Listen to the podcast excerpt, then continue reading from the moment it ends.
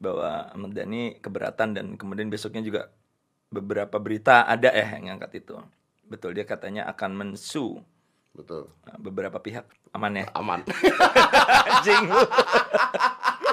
Five, four, three, two, one with Ari Lasso. Di Corbusier, di Corbusier. Gue mau mulai dulu sesuatu boleh nggak? Boleh dong. Ari Lasso perkenalkan, sama saudara sekalian Menteri Lingkungan Hidup. Anjir. enggak, enggak, jangan dulu. Iya, iya, iya. Gila ya. Sesuatu yang begitu mudah sekali viral. Lu aja sampai tahu gitu. Tapi Apa? kenapa gilanya kenapa? Iya, sesuatu yang kita bikin setengah mati susah viral. Nah itu karya-karya susah Ih, viral susah. ya. Begitu Karya- gitu, gue bangun tidur itu kayak WhatsApp gue ratusan gitu. Biasanya kan belasan aja Eh. bangun tidur ya. Dan isinya semua sama. Semua sama. Foto lu, Foto gue dan ibu, foto ibu Siti eh, Nurbaya. Siti Nurbaya dijadikan Iya. satu.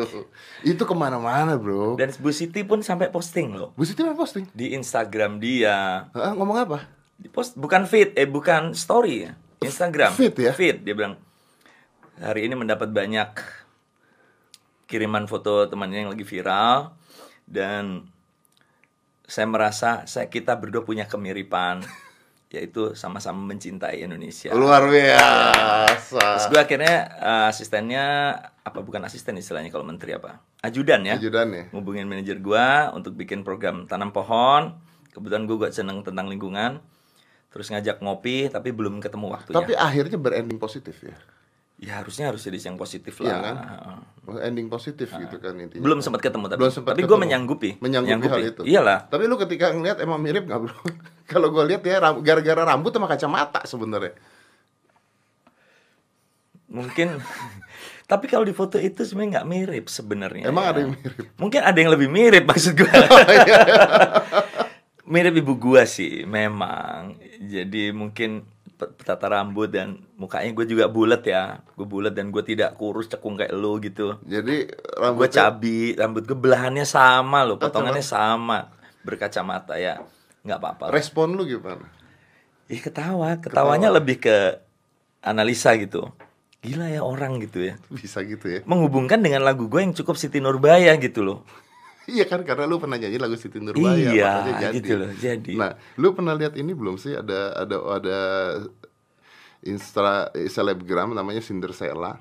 Dia pada saat Halloween dia bikin mirip gue.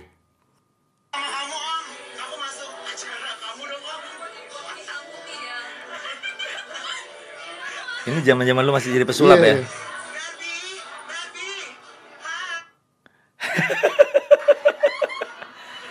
Gimana reaksi lu? gue ketawa karena karena karena gila ini eh, apa namanya effort gitu. Tapi gue sih suka, gue sih suka. Ya berarti kan lu kuat gitu. Nah itu dia. Gue tuh kemarin sebenarnya ini, ini lucu sih. Teman kita Mbak Meli Guslo Heeh. kan sempat ribut tuh kemarin. Gua kemarin sempat ngobrol sama eh, Mas Santo Hutnya, karena emang teman gue juga rumahnya Di sini Iya, kan, rumahnya di Bintaro. sini, Kita geng Bintaro semua. Benar, kita geng Bintaro gitu. Eh kalau menurut lu gimana? Iya, setiap orang, terutama Meli, Meli juga sangat deket dengan gua. Betul. Itu kan punya masing-masing orang punya batasan sendiri-sendiri. Mm. Jadi Meli pun juga gua rasa berhak begitu. Berhak begitu karena dia penerimaannya yang dimaksud teman-teman sih gue yakin tidak jahat yang Betul. yang itu. Tapi juga setiap orang juga punya reaksi yang tentunya berbeda-beda. Nah itu dia Ya, makanya. Karena gue yakin pada saat itu terjadi ya kata, orang ketawa ke TV ini juga orang ketawa ke TV. Menurut gua orang ketawa-ketawa di sana bukan ngetawain Meli Guslo sebenarnya, ngetawain si siapa namanya Buba atau siapa itu segala kan. Iya. Terus ketika ngatain juga ngatainnya bukan Meli Guslo ngatain eh, orang tersebut gitu. Cuman kan akhirnya jadi gede dan jadi panjang banget itu masalah. gitu kan. Masalahnya gue juga kenal Melinya juga gitu, gue kenal BCL-nya juga gitu kan. Jadi eh, kalau orang nanya sama gue pendapat gue agak bingung juga untuk memberikan memberikan pendapat. Tapi nih, tapi nih, tapi nih bro, nih makanya kita diskusi ya. Oh iya, lu karena tadi gue nyambung, gue disamain sama ini gitu-gitu iya, ya. ya kan nyambung banget kan. Iya, iya. Jadi kita diskusi. Eh sebenarnya eh gue sempat nonton videonya Meli Guslo-nya juga. Gue sempat ngobrol sama Anto Hutnya juga. Hmm. Gue nelfon, eh, da, Anto Hut nelfon gue, tapi urusan beda, urusan beda. Gue nanya sebenarnya masalahnya kenapa? Nah yang jadi masalah adalah menurut dia di, eh, itu acara acara Halloween, which is eh, konotasinya adalah setan. Oh, Gitu. iya, iya. Eh, terus itu berhijab, Oke. berhijab. Nah, udah gitu terus juga katanya eh, diledek-ledekin, ketawa ketiwi dan sebagainya. Bahkan katanya ada body shaming dan sebagainya. Gue juga nggak ngerti. Oh, Oke. Nah, eh, tapi gue bilang, tapi kan sebenarnya itu kadang-kadang orang meniru orang untuk menyanjung orang, menurut gue begitu gitu. Sometimes kayak karikatur, orang bikin karikatur Ari Lasso pasti bentuk mukanya hancur. Hmm. Tapi that's the point of karikatur di Halloween juga seperti itu. Nah, terus di videonya eh, Melly Guslo sendiri ada kata-kata bahwa eh, kenapa ini begini jadi lucu-lucuan. Coba coba maksudnya gini, coba eh, berani nggak coba pakai UAS atau nggak umi pipi atau nggak jadi pastur atau nggak jadi uskup. Nah, kalau ini gua nggak nggak setuju karena yang disebutkan Meli adalah tokoh agama dan agama sensitif. Tapi kan artinya Meli Guslo juga sesensitif itu ketika itu terjadi. Itu dia makanya garis bawahnya gini, Det. Gue tuh selalu menghargai privasi orang. Oke. Privasi reaksi orang gitu ya. Jadi ya gue rasa Meli berhak juga bilang gitu. Kalau dia nggak nggak suka, mungkin justru karena dia mengenal orang-orang itu kita coba pakai psikologi yang terbalik, Hmm, ya. Gue kan yang ngeposting ini gue nggak kenal, betul. Mm-mm. Mungkin justru karena Meli itu yang mengunggah dan yang dalam tanda petik tertawa saat itu justru orang-orang yang dia, Dia kenal, kenal. dekat mungkin justru mungkin dia tersinggung tapi yang jelas gini ya banyak hal-hal yang pelajaran dari hal kayak gini ya terutama dari kasusnya Meli. Bahwa ya kita mesti hati-hati sih memang di era sekarang gitu. Karena ada ketersinggungan itu bisa terjadi dan Bisa itu fakta. terjadi. iya itu bisa terjadi. Cuman gue tuh pengen banget ngobrol sama eh, Antonya juga sama Meli Guslonya nih. One day maybe akan ke sini gitu ya. Karena di Meli Guslo mengatakan kecuali ini konsepnya adalah komedi. Misalnya ada acara komedi itu lebih lumrah gitu walaupun nggak suka tapi beritanya keluar bahwa Meli Guslo pun pernah bete gara-gara nunung di acara komedi berekspresi menjadi Meli Guslo Wah nggak tahu gua. itu keluar Nggak tahu, beritanya nggak tahu gua nggak tahu. jadi mungkin memang beliau tidak suka kalau dirinya ditirukan. Bahkan di acara komedi pun pernah kejadian dan pernah marah. Sama lu itu acara nunung. Enggak, itu keluar di berita mana-mana. Oh gitu Gitu. gitu. ya. Nah, ini kan artinya semua orang punya rasa sensitif yang berbeda-beda kan. Mungkin itu kesimpulannya. Ya mungkin setiap manusia, setiap orang punya standar sensitif yang berbeda ya. Hmm. Dan itu sah-sah saja. Sah, sah, Sah-sah aja. aja. Makanya eh, ketika orang mau melakukan itu harus kenal dulu dengan orangnya atau tahu pribadinya gitu ya. Ya orang tetap bebas melakukan itu. Tapi reaksi yang kita harapkan dari si subjek Tidak pernah tahu. tidak pernah tahu. Oke. Oke. Gue tidak bisa melarang orang menirukan gue. Tapi ya reaksi dari gue ya itu gue yang punya hak. Ya, ya, ya. Terganggu apa tidak? Terganggu apa tidaknya hak lu gitu ya. Aman ya? Aman. Anjing lu. ya. Sama Dani masih ketemu nggak? Ketemu gue besok dia, gue besok dia. Nyalonin wali kota bener nggak? Yang gue baca terakhir kemarin gue naik pesawat ke Surabaya dua hari lalu, Jawa Pos menulis itu katanya dia lagi ambil nomor apa ya nomor pendaftaran kalau nggak salah. Hmm. Iya kan? Mm-mm. Tapi kalau ngomong sensitif keluar berita baru katanya Ahmad Dhani akan ngesu semua orang yang menyanyikan lagu dia. Gue kemarin dapat info ketika break lagu kesekian, apa segmen kesekian waktu konser kemarin bahwa Ahmad Dhani keberatan dan kemudian besoknya juga beberapa berita ada eh yang ngangkat itu. Betul dia katanya akan mensu Betul. Nah, beberapa pihak gue masih belum tahu beberapa pihak karena gue belum ketemu dia lagi. Hmm. Yang gue baca pengacaranya yang ngomong kalau nggak salah Iya. Endar Sam, gue kenal juga sih. Atau gue nanya Endar Sam mungkin nanti. Tapi termasuk lu dong berarti. Rasanya nggak kalau gue. Lu lu nyanyiin lagu. Karena lagu itu kan gini hukum eh, tentang performing right itu adalah penyelenggara. Penyelenggara, Mm-mm. bukan penyanyi. Apalagi lagu itu memang aslinya gue yang nyanyi kan, Dad. Oh iya, Ah, benar. ah, Oh iya. Kan lagu itu yang aslinya. Oh iya ya. Dan ada beberapa lagu kayak Oh enggak pada saat itu tuh lagunya lu, lu yang nyanyi ya. Jadi lu nggak bawa lagu mereka yang bukan lu yang nyanyi. ya? bukan, bukan. Oh lu aman dong. Mestinya aman dan lagi ada beberapa lagu yang liriknya gue ikut tulis juga. Oh ya aman dong Mm-mm, lu nya. Ya, TV-nya gitu. kena. Mungkin, mungkin. Tapi sebenarnya begitu nggak sih? ada aturannya deh sebenarnya. Ada aturan. Ada aturannya. Jadi memang itu tugas LMKN, Lembaga Manajemen Kolektif Nasional. Dia menagih kepada penyelenggara-penyelenggara yang menggunakan lagu-lagu untuk mendapatkan keuntungan secara ekonomis. Oke. Oke. Jadi misalkan Deddy Corbuzier tiba-tiba jadi IO nih, mengadakan sebuah konser di mana di dalamnya ada lagu-lagu yang dibawakan yang mana hak ciptanya melekat pada seseorang yang dikuasakan kepada publisher masing-masing. Itu ada forum yang kalian harus membayar ke LMKN, bukan kepada penciptanya langsung. Oke. Penciptanya nanti dapat dari LMKN. ya? Betul. Nah, dalam hal ini Dani ingin dia yang menuntut. Mungkin Dani tidak diberitahu, mungkin Nah, mungkin kalau gue gini, Eh balik kalau yang gitu haknya Dani ya? kenapa? Haknya Dani. Kalau gitu, Iya. iya haknya Dani, tapi ada mekanismenya. Ada Oh, mekanismenya. Nggak sembarangan bisa nuntut aja Nah, gitu. Oke, nggak bisa. Jadi eh, ada mekanismenya, tapi mungkin yang dituntut di sini kalau gue lihat lebih kepada eh, dia pengen diberitahu ya Pengen dikasih tahu. bahwa Pengen ada konser, bahwa ada konser ini yang lagunya itu ada lagu-lagu lagu-lagu ini dewa gitu. Iya, iya, iya. Nah gue pengen dari sini gue pengen cerita sebuah case menarik bahwa ini ya sebuah pujian mungkin pada Dani dan itu cukup visioner Dad. Jadi begini, ketika gue keluar dari Dewa tahun 2000, 99 2000 dan kemudian gue rekonsiliasi dengan Dani dan kemudian bahkan Dani membuatkan lagu ke gue untuk album kedua gue Rahasia Perempuan yang ngetop sekali dan jika aku bukanlah aku itu Dani membuat dan gue membuat deal yang belum pernah dilakukan oleh siapa pun mungkin di seluruh dunia Dad Oke. idenya Dani. Re, aku tuh udah sering bikin lagu orang dan penyanyinya menjadi kaya banget dari lagu-laguku. Tapi gue tuh tidak dapat apa-apa dari pementasan mereka. Oke? Gue dapatnya royalti sebagai pencipta yang mana saat itu belum ada performing right di Indonesia tahun 2000-an. Lu gue bikinin lagu tapi lu tiap manggung kasih gue duit ya. Dan buat gue itu make sense. Iya, make sense ya. Make sense. tidak mahal, ratus ribu.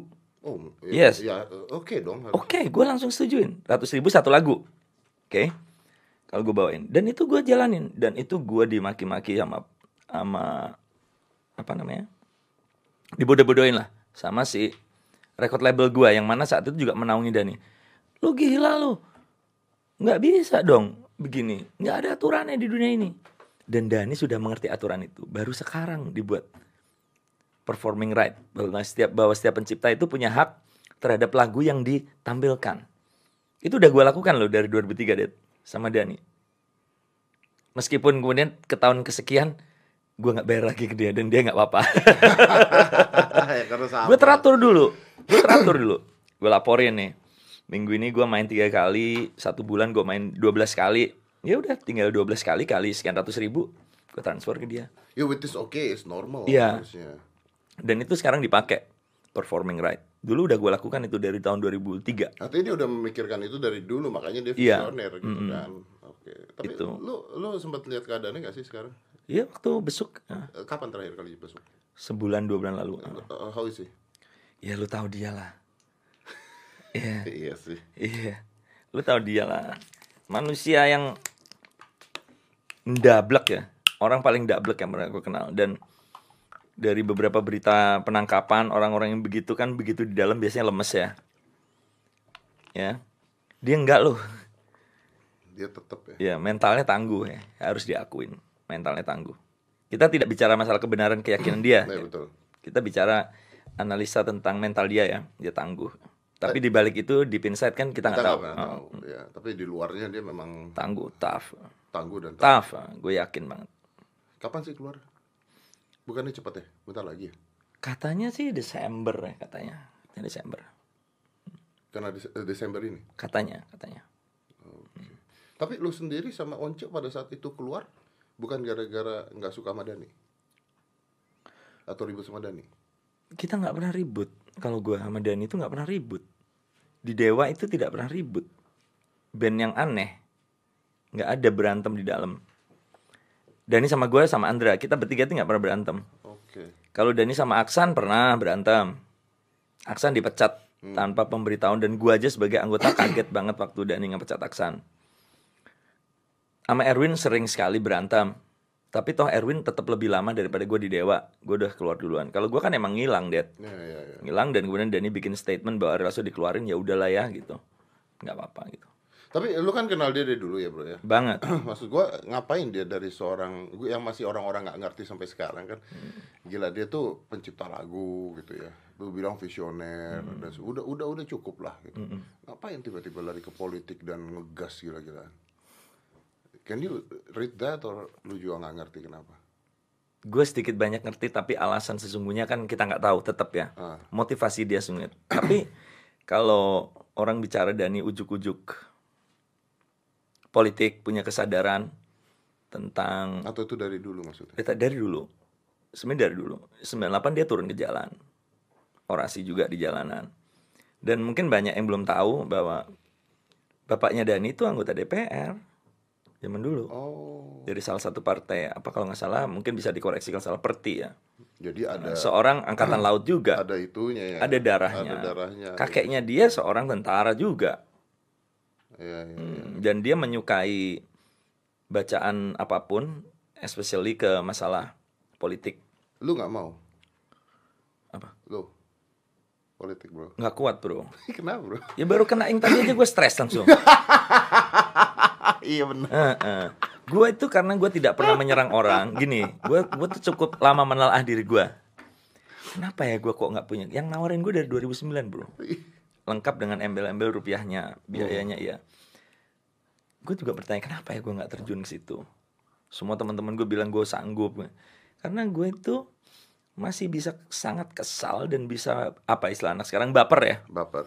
ketika orang dengan seenaknya nyerang gue karena gue tidak pernah nyerang orang seumur hidup gue karena gue tahu rasanya diserang itu kan menyakitkan ya. Betul. jadi gue kalau diserang gitu gue masih kesel gitu. Jadi ya gimana gue jadi politisi? Pasti gue kesel mulu meskipun ada quote dari lu dan Dani bahwa orang besar harus punya haters gitu ya ya gue nggak nggak nggak terlalu nggak kuat lah gue kuat. emang lu banyak hatersnya? enggak justru Enggak, enggak, kan? justru enggak Kan lu adem ayam aja kan? Iya. Adalah haters sejak Idol itu tahun yang dua yang periode lalu banyak yang haters gua. Itu kan gara-gara acara TV. Iya. Kalau mah haters pribadi nggak ada. kaum kaum tidak mengerti saja. No comment. Dia mainnya aman loh. Iyalah. Dia mainnya aman. Politisi banget padahal ya. Iya, cocok jadi politisi kan? Tanyain apa? Maaf bukan urusan saya, gitu kan. Maaf, no comment gitu kan. Lu cocok lu jadi politisi lu. Enggak, enggak, Serius. enggak cocok. Enggak cocok. Cocok, Bro. Enggak. Tampang-tampang lu tuh adem-adem gitu. Adem-adem tapi Adem-adem tapi nyakitin. ngolah. enggak, enggak. Cocok. Mungkin cocok tapi gua males, Dit. Tapi will you siapa tahu Oh, satu, saat- lagi, Dit. Satu Nah, lagi. Kenapa gua males? Gue seumur hidup nggak pernah makan dibiayai oleh negara, oleh rakyat. Gue nggak pernah. Ya udah. Ya. nggak ada urusan dong kalau sekarang iya. Iya nggak mau tanggung jawabnya gede buat gua. Gue gini-gini kan idealis deh. Iya, lu tau lah. Lu tau lah, lu tau lah. Lu tau lah. Ya, justru karena lu idealis, lu mencoba untuk merubah negara kita menjadi Tidak lebih bisa, lu tahu. Butuh, mungkin butuh 10 juta orang Ya, kayak itu orang-orang politik yang ngomongnya begitu. Itu kan Apa ya? Bohong. narasi gitu loh. Bohong maksud lu. Politik itu kan is about dealing, about apa namanya? Lobby-lobby tentang apa? Tukar menukar. Gitu. Tapi gue ya sempat ngobrol sama Sandiaga Uno di podcast ini. Hmm, ya gue nonton, gue nonton lah. Gue nembak dia kan, bro, politik kan kotor. Hmm. Dia mengiyakan. Iya, iya. Dia mengatakan iya, makanya diam, di- dari semua yang kotor itu diambil yang paling bersihnya. Gitu. Tapi dia mengiyakan bahwa memang kotor politik Hmm. Iya, itu memang kotor kan. Eh, tapi ya nggak politik juga. Istilahnya Bisnis, every mm, business kotor, menghalalkan kan. segala cara gitu loh ya. Iya. Nah, ada cara-cara gitu. Dunia bisnis bisa dibilang juga, tapi kan bisnis tidak tidak identik dengan kekuasaan ya. Keuntungan lah persaingan bisnis itu kan lebih diatur lagi, ada undang-undang persaingan bisnisnya segala macam. Tidak semua kalau orang jualan rokok doang kan Iya. nggak ada kejahatan gitu. Jadi lu nggak akan pernah terjun ke politik atau we don't know. We don't know. Oh, Tapi kalau sampai 5 10 tahun ke depan kayaknya enggak ya, nggak kalau- nggak sanggup ya. lima sepuluh tahun ke depan nggak? Gini, gue kemarin ngobrol sama Giring juga. Ah. Gue ini belum pernah bergulat di dalam sebuah tukar pikiran ide yang sampai benar-benar keras, terlatih itu menguasai suatu materi dan kemudian mengegolinnya dalam sebuah organisasi yang tidak gue pimpin. Kalau kita masuk partai kan kita dipimpin seorang. Betul. Dan kemudian di situ kita bertukar ide, ngobrol segala macam berantem. Gue belum pernah melakukan itu.